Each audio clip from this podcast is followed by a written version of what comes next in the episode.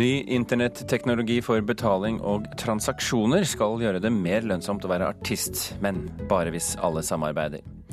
Miljøet i den elektroniske dansemusikken er et patriarkat og utrolig vanskelig å være kvinne i. Det sier svenske Rebekka og Fiona, som vil mannsdominansen til livs. Og Fredagspanelet skal diskutere mobiltelefon, stortingsbygning og arvinger som stanser kulturen. Eller i hvert fall deler av kulturen, for å være mer presis. Du hører på Kulturnytt i Nyhetsmorgen. Musikkbransjen håper at en ny type betalingsøkonomi skal gjøre det mer lønnsomt å være artist. På bransjefestivalen Bylarm ble det i går presentert en teknologi som kan revolusjonere musikkbransjen, men bare hvis alle samarbeider. Det er allerede investert milliarder av kroner i teknologien, så du kan like gjerne lære deg navnet med en gang. Blockchain.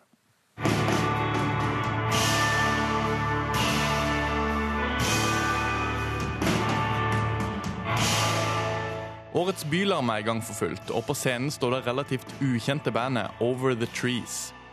De har spilt musikk sammen i mange år og blir regnet som et ungt, lovende band. Men blir det noe penger av det her? Nei. Vi må, ta, vi må spytte inn litt en tusenlapp hver for å få eh, endene til møtes. Eh, platesalget er jo litt ut. det er jo i så fall kanskje vinylplater på konserter og eventuelt merchandise. Eh, pengene kommer inn. Det er ikke lett å leve av å være musiker i 2016. Selv om vi hører på mer musikk enn noen gang før, blir det mindre og mindre penger til band som Over The Trees. Mange mener strømming er fremtiden, men Benji Rogers mener man går mer drastisk til verks. It's so bad. We went from a 30 billion dollar year business to half that in 15 years. Rogers er en forkjemper for det som kalles blockchain-teknologi. Jeg skal skru av bakgrunnsstøyen, for det her blir litt komplisert. Se for deg at jeg vil sende noen penger over internett, siden jeg har kjøpt denne låta her av deg.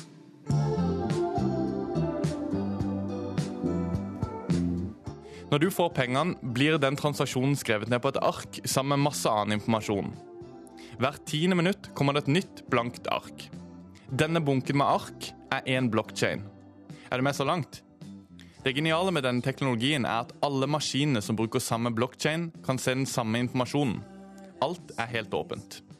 Med andre ord kan du betale favorittbandet ditt direkte, uten at f.eks. et plateselskap er involvert.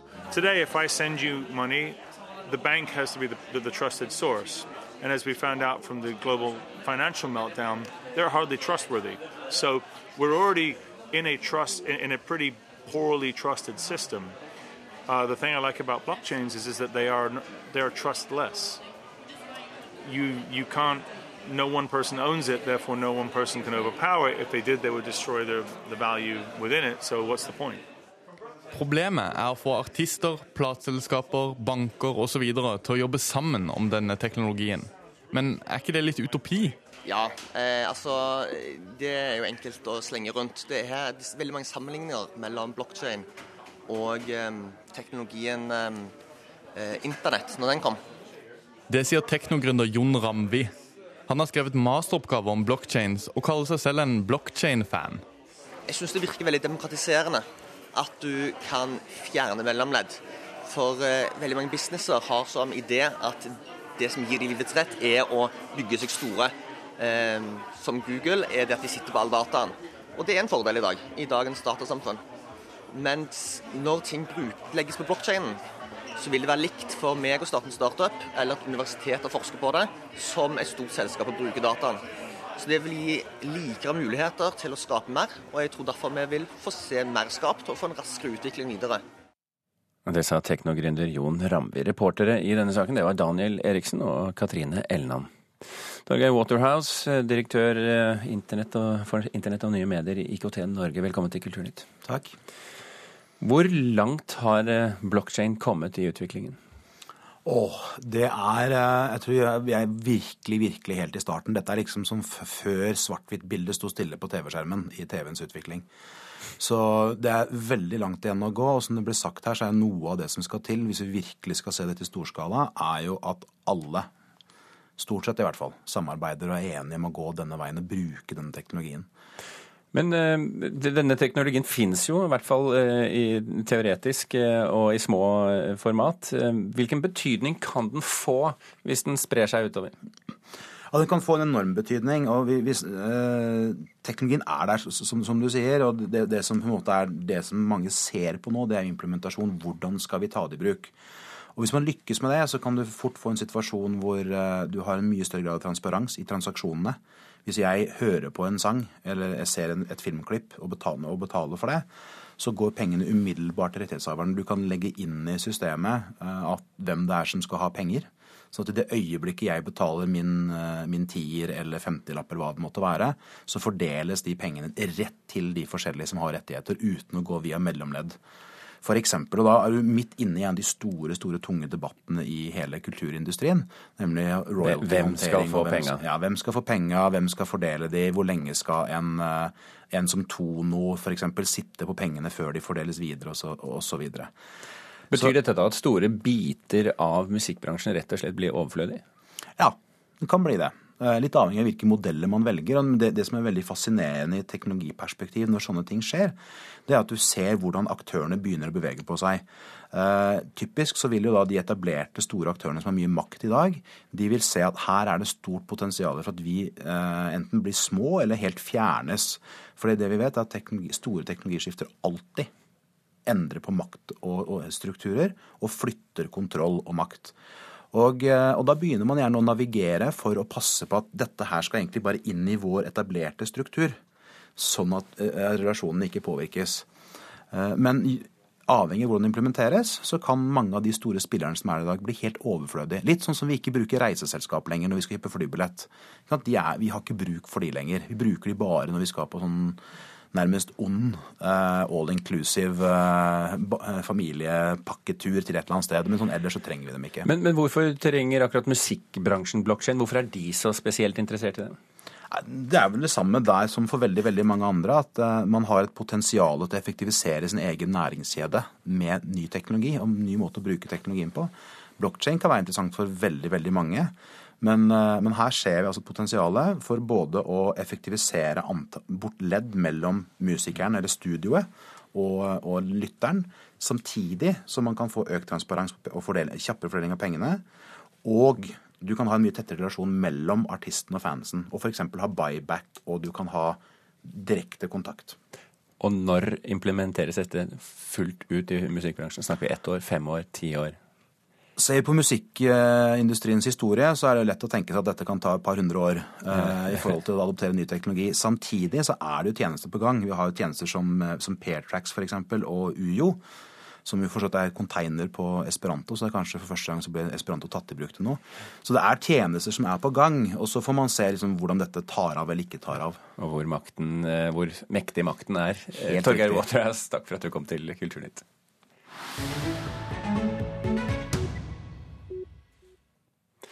Det skapte oppstandelse at Kreftforeningens konsertturné Vinterlyd har med artister som oppfordrer et publikum med små barn til både sex og fyll. Men nå ser det ut som om saken får en såkalt minnelig løsning, reporter Thomas Alvarstein Ove. Ja, Vinterlydturneen er i dag i eh, Oslo. Kreftforeningen har allerede bedt eh, popduoen Robin og Bugge fjerne sangen 'Fuck You' fra programmet. Og nå sier artistene selv at de også vil bytte ut eh, låten 'Best når du er full'.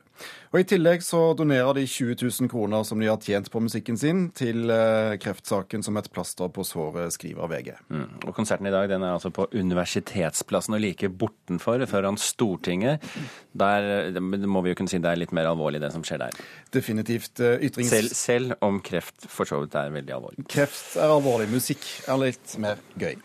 Ytringsfrihetsorganisasjonen eh, Norsk Penn har gått sammen med bl.a. Forfatterforeningen og en lang rekke rekke norske medieorganisasjoner om en demonstrasjon. Den er til støtte for journalister i eh, Tyrkia. For i dag er det 100 dager siden redaktøren og eh, en reporter i avisen, avisen Kumhuriyet ble fengslet eh, etter å ha avslørt tyrkiske våpenleveranser til IS i Syria. Og disse to er eh, siktet og risikerer dobbelt livstidsstraff for høyforræderi når saken kommer opp for retten i påsken. Men hva hjelper en demonstrasjon i Oslo på dette alvorlige problemet i Tyrkia? Det kan du si. Arrangørene håper jo norske myndigheter kan legge press på Tyrkia, for eh, landet er en nær alliert med Norge i eh, Nato, og også medlem av eh, Europarådet. Og da kan man ikke se gjennom fingrene når det gjelder brudd på menneskerettighetene og forsøk på å hindre ytringsfriheten. Thomas Alvarstein Noe, takk for at du orienterte. Vi lever i et eh, patriarkat, og den eh, elektroniske dansemusikken er fullstendig mannsdominert, mener den eh, svenske duoen Rebekka og Fiona. De spilte under Bylarm i Oslo i natt og skal på Skavlan i kveld. Rebekka og Fiona har hatt stor suksess de siste årene, men sier de merker at mannlige elektronikaartister, som f.eks. Kygo, blir tatt mer på alvor enn de kvinnelige. Forsøke å dra kortet igjen, får vi se. Jeg får gå og kolla og komme tilbake. Ok. Men da tar jeg bort alle varer. I realityserien Rebekka og Fiona, som går på NRK1 for tida, får ikke artistene kjøpt seg mat fordi kredittkortet er tomt for penger. Varer i kassa to, varer i kassa to. Hva faen gjør vi da, da? Men det var for seks år sia. I dag reiser Rebekka og Fiona verden rundt med sin elektroniske dansemusikk. Vi er rikere. Nei, men vi, vi er vel likadana. Vi lever samme liv, typ. Bare at det er litt større apparat kring typ framträdanden och sånt. Och vi har litt mer penger å äta god mat og sånt. Fuck the world. I don't care anymore. Men i denne bransjen er det ensomt å være kvinnelig låtskriver, produsent og DJ, forteller Fiona Fitzpatrick. Det fins ingen i Sverige heller. Typ. Eller i hele verden. Liksom. Det er jo helt sjukt. For at vi lever i et patriarkat. Og det er bare noe man må jobbe aktivt imot hele tiden. Fiona kaller bransjen et patriarkat, for hitlistene domineres av menn, enten de heter Avicii, David Getta, Kygo eller Todd Terje. Artister som Rebekka og Fiona mener får mer kredibilitet og respekt i bransjen fordi de er menn. Det er så mye lettere for menn i bransjen å ta seg fram Og vi blir mye mer liksom kritisert og ransakade. Altså at vi ikke er likeverdige produsenter med då Kaigo eller hvem det nå skulle kunne være. Vi får mye mer... Alle tror alltid at vi ikke gjør saker selv. I begynnelsen var det jo et problem. Att de inte ens trodde vi mixade själva och så. How low can you go? Let me know. Det er jo fortsatt mannsdominert, og det kommer det nok til å være en stund fremover også. Men jeg ser helt klart eh, tendenser til at det er mange flere damer som, som holder på å gjøre det, og lager musikken eh, sin selv. DJ, musikkprodusent og programleder i P3, Marie Kommissar, tror bransjen er i endring. Eh, jeg satt jo i et eh, panel som snakka om norsk klubbmusikk for et par år siden, på Bylarm. Og da satte vi alle sammen og klødde oss i hodet over liksom, hvilke, hvilke damer vet vi av egentlig som faktisk produserer musikken sin selv. Og da var det veldig lite. Men siden da så vet jeg faktisk veldig mange. Så det er jo absolutt noe som skjer. Jeg tror at de er på rett vei, selv fast det går veldig, veldig langsomt. Ja. Vi må bakke hverandre sånn som gutter har bakket hverandre alltid. Det er mønster som må brytes. Reporter her, det var Torkil Torsvik. Og Rebekka og Fiona skal altså spille på Skavlan på NRK1 senere i kveld. Klokken har passert eh, kvart over åtte med ett og et halvt minutt. Du hører på Kulturnytt, og dette er toppsakene i Nyhetsmorgen nå. Lønnstakere bør kunne streike på vegne av pensjonistene. Det mener Pensjonistforbundet, som også går inn for at de skal bli en egen hovedorganisasjon med større makt enn i dag. Huseiernes Landsforbund utelukker ikke søksmål mot staten hvis det blir deponi i gruvegangene under Brevik i Telemark. Avfallsselskapet NOAH ønsker å lagre farlig avfall i Norcems tidligere kalksteinsgruver. Og i nattens TV-debatt mellom de republikanske presidentkandidatene fortsatte Ted Cruz og Marco Rubio å angripe Donald Trump. Rubio sa det republikanske partiet ikke ønsker Trump fordi han ikke er konservativ nok. Så har vi fått eh, fredagspanelet vaglet på plass her i studio. Ragna Nordenborg, programleder i NRK P13. Marie Simonsen, politisk kommentator i Dagbladet. Og Vidar Kvalshaug, forfatter. Velkommen alle sammen. Takk. Takk. Vi hopper rett i, eh, rett i, sak, vi. Stortingsbygningen skal vi snakke om nå. Til å begynne med. Fyller eh, nemlig 150 år i morgen.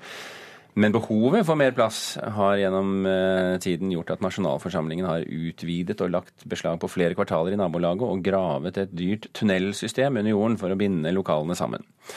Burde Stortinget, som Nasjonalmuseet, Munchmuseet, Deichmanske hovedbibliotek og nå kanskje til og med NRK, tatt grep tidligere og bygget en helt ny og funksjonell bygning tilpasset dagens behov? Nei. Nei, nei. Nei. Nei, nei. Dette var veldig bestemt. Og da må dere forklare meg hvorfor ikke Ragnar Nordenborg. Vi møtte Carl I. Hagen her nå. Han hadde vært eh, på Politisk kvarter, tror jeg. Eh, Han eh, sa at det var det verste han hadde hørt når vi sa at vi skulle diskutere dette. Men han sa også en annen morsom ting. Det var det at tidligere da han begynte på Stortinget, så var det én infoarbeider per hver tiende stortingsrepresentant. Nå er det én-til-én-forhold. Så det er klart at verden forandrer seg jo. Og, og folk sitter jo ikke så mye akkurat i denne salen de skryter av veldig mye, som åpner opp mot parken foran. Men likevel å skulle ikke klare å ordne opp i det, sånn som jeg egentlig har skjønt at de har klart på en ganske god måte, det ville vært veldig tullete. Vi kan ikke flytte enda flere store, viktige funksjoner Men ut jeg sier ikke at de skulle flytte nå, for nå har de jo eh, brukt masse penger på alt dette. Men burde de gjort det tidligere? Kvasi? Aldri. Nei da, de burde ikke gjort det tidligere. Altså, de burde heller begrense antallet informasjonsrådgivere. Og der må man jo gi Carl I. Hagen rett. Og det er ikke Er du sikker på at det ville vært mye bedre hvis de hadde min, færre Et eh, informasjonsrådgivernes hus har jeg mye mer tro på enn akkurat eh, det å skulle flytte Stortinget. For det tar du funksjonen bort fra det bygget, så, så smuldrer hele Men dette var, nå syns jeg mine medpanelister er, er veldig, veldig pragmatisk eller liksom sånn praktisk anlagt. Altså, en Hovedgrunnen til at vi ikke skal flytte Stortinget, og ikke burde gjort det for ti år siden og ikke om 20 år, er jo at det ligger der det er, og er et monumentalbygg i Oslo. Et symbol og en kraft. og jeg har en tanke bak at det ligger der det ligger, mens Slottet ligger rett over osv. Så, videre. så Så det er jo mye mer enn et bygg. Men like fullt så ville de innholdet i Stortinget, altså politikerne, eh, eh, eh, veldig gjerne flytte Ja, eh, jo Nasjonalmuseet og Nasjonalgalleriet. Politikere lider jo en sånn flyttesyke. altså Hvis de ikke har en eller annen flyttesak som de kan krangle om i 20 år, så er det jo føler de at Men, men skjønner du hvorfor jeg stiller dette spørsmålet? Fordi at de var jo Ja. veldig lette til å Ja, det var sikkert det var ikke veldig lett, altså, men de har nå engang flyttet Nasjonalmuseet. Eh, Det skal ut av Nasjonalgalleriet og ned på Vestbanen. Eh, Men når det gjelder deres eget storting, så var det plutselig veldig vanskelig. Og, og helt uaktuelt. Ja, men vi er jo også et land som, som lever av lokaliseringsdebatter. Eh, både internt i Oslo, mellom bydeler og mellom landsdeler. ikke sant?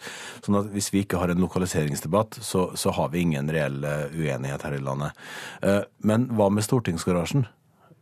Det blir snart forbudt med biler innenfor Ring 1. Der har vi en mulighet til kontorplass. Men, men det som også er fint med dagens bygning, er at det er sånn naturlig avgang ved at noen ustanselig går seg bort. Forsvinner, blir aldri hørt fra igjen. Så det er bare de sterkeste som overlever der. Og dette gjelder både journalister og politikere. Men informasjonsarbeidere, informasjonsarbeidere de finner veien. Det er derfor det er så mange av dem. Nemlig. De, de har bare akkumulert, er det det du sier? Ja. Vi eh, hopper fra Stortinget til eh, andre eh, bygninger. Sju, eh, og for så vidt eh, et helt annet tema. Sju av ti personer ønsker at eh, konsert- og teatersaler skal være mobilfrie soner. Det viser en undersøkelse vi har gjort. Likevel så oppfordrer flere teatre publikum til å ta bilder og spre dem midt under forestillingene, og mobilen er blitt den nye lighteren på konserter. Jeg husker hvordan vi holdt lightere opp på 80-tallet. Spørsmålet vårt er bør mobilbruk på kulturevenementer begrenses? Nei. Nei, nei. Nei. Ja, men Nei, men det går ikke. Fordi eh, denne debatten eh, var jeg vitne til eh, inni en, en bransjeorganisasjon som heter Konsertarrangørforeningen. Hvor dette kom opp. Og da sier jo de at eh, nei, nei, nei, for all del, det må dere ikke gjøre. Eh, og da snakket jo de om arrangørene, og ikke minst artistene. Som jo eh, elsker at eh, sosiale medier eh, er til stede. Altså gjennom at alle har hver sin mobiltelefon og sprer budskapet. Hashtagger artisten stedet, og så, og så fungerer de som bitte små sånne reklamebyråer. Og så var det noen som syntes at det var slitsomt, at eh, du ikke får den derre lukka pakka opplevelsen som det er. En sånn fantastisk kommunikasjon mellom scene og sal, som jo det jo er å gå på konsert og er å gå på teater. Men, men hvis du spør en under 25 år i dag om det er mulig å gå på et sted uten å dokumentere det, så vil jo vedkommende si nei. Så det er bare sånn det er. Men jeg må bare legge til at det er litt forskjell på teater og konsert, vil jeg si. Det er litt forskjellige arenaer Nå, her. nå tar Ragna liksom tar og går gjennom hele argumentet. La oss spare spar litt, i- litt. spar litt i oss andre. Uh, altså Helt klart er teater en, en Ibsen-forestilling på Nationaltheatret er noe annet enn et eksperimentelt teater et eller annet sted. Eh, og teater og konsert igjen er forskjellig. Og jeg tror dette regulerer seg litt selv. Jeg var på konsert faktisk sist helg hvor jeg tok frem begeistret og tok bilde av, artisten, men hadde glemt å slå av blitsen. Og da var det tilløp til bo, buing og håndgemeng. Så dette er en slags sånn sosial korreks, tror jeg. Og det samme hvis du reiser deg opp og tar et bilde av eh, Nora idet hun eh, forlater eh, dukkehjemmet, så, så tror jeg du blir raskt satt på plass, bokstavelig talt. Vidar? Ja, men har vi, ikke, har vi ikke lært oss å skru av både lyd og blits egentlig gjennom disse årene? Sånn av oss selv og av Åpenbart andres korreks? Nei, ikke alle. Men det har noe med konsentrasjon. altså Skuespillerne snakker jo om dette forstyrrende elementet at, at noen sitter i salen, men ser ikke på scenen, men ser ned på hånden. Ja, Så får du jo sånn blått lys i ansiktet òg. Altså, du ser masse sånne rare ansikter plutselig der du er vant til at salen er mørk. Men det kan vel en skuespiller kanskje venne seg til, for å være litt eh, streng. Du foretrekker det? Jeg tenkte på, Kanskje man kunne ha løst det ved at man hadde sånn um, Folkens, uh, nå tar vi en sånn, uh, sånn Vi tar en sånn ehm, eh, sånn som det er på TV-serie, en sånn liten sånn greie før vignett. Da har alle lov å filme og ta litt bilder. Og så, så starter vi på nytt, og da legger vi det bort. Så får alle dokumentert, og så blir alle skuespillerne med. Men dere var så unisont enige i dette. Men eh, la dere merke til at sju av ti personer ønsker at det skal være mobilfrie soner? Er det dere som det er noe galt med? Prøver dere liksom å være men, men, men jeg, tror, eh, som, jeg tror at det er et litt sånn sosial regulering etter hvert. At det ikke blir kult å ta opp mobilen i visse tilfeller. Og det ser du allerede, at folk begynner å bli litt mer disiplinerte. Eller at de ser på deg litt stygt. Og jeg tror også at dette kommer til å bli den samme utviklingen som røyking etter hvert. Litt, grann. Ja, og så spørs det litt hva det er spurt om. Altså, det er klart å føre en samtale under en forestilling, der er det garantert sju av ti, nærmere ti av ti. Ikke sant? Men hvis det er snakk om å ta et diskré bilde eh, fra sin plass, så er det noe annet. Så det spørs hva man har assosiert med det spørsmålet også. Disiplin er stikkordet, med andre ord. Ja, du ser det bare på T-banen, og så sitter det noen og prater der, så er alle blikkene der, altså. Eh, men sitter det noen og taster, så er det ikke noe problem. Sånn har det blitt. Sånn har det blitt. Ja, ok. La oss hoppe til eh, arvingene etter eh, film, unnskyld, filmskaper Arne Skauen. Som denne uken hindret Cinemateket i å vise filmen 'Barn av solen', fordi de syntes den var for dårlig og ikke representativ for Skauens talent.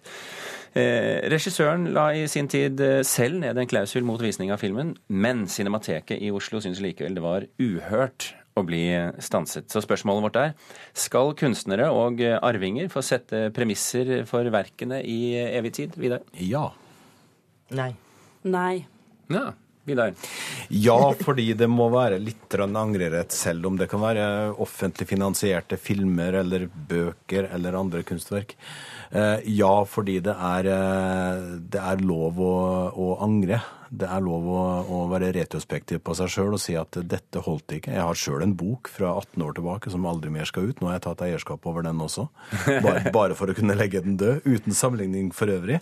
Men nå er det jo eh, det, Du har en egnerfamilie som er veldig strenge, du har andre som er veldig strenge, og, og der må det skje på deres premisser, og gjerne da på kunstnerens premisser. Det er greit. Eh, Et hovedpoeng her er jo at, eh, at eh, det har gjerne vært offentlig betalt. Det er, eh, det er offentlig finansiert. Flere, særlig innen film, så er det selvfølgelig mye offentlige penger. Og da kan man ikke, da må man også få litt igjen. Det er på en måte blitt en offentlig eiendom. Og når det gjaldt akkurat denne filmen, så er det jo helt klart at den å vise den kommersielt hadde løst seg selv. Hvis du hadde satt den opp på Saga, så hadde ingen kommet. Men dette er for entusiastiske cineaster som vet at dette er en film som Skauen ikke likte selv, og så vil de se den i en slags historisk kontekst. Ja, for jeg også gikk litt eh, inn i argumentasjonen på begge sider, og er jo da enig med Marie her at når, når, eh, når etterkommerne til Skauen, Synne Skauen sier at det er fordi den er for dårlig, så vil han ikke at den skal ut og bli på en måte kommersialisert. Så tenker jeg at er det ikke akkurat et sted hvor folk kan lære av feil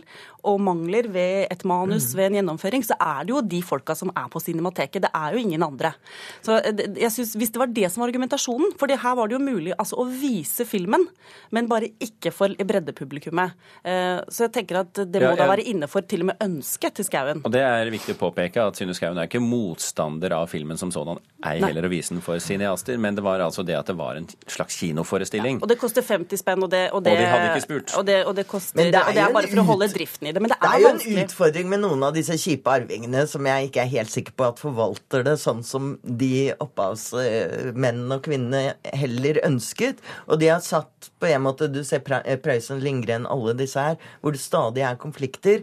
Og mye av det er bra. De har kanskje forvaltet det bra, men samtidig så er det et folkeeie som ikke blir tatt i bruk i den grad det kunne. Men Vidar Kvalshaug, du er jo en dannet eh, herremann.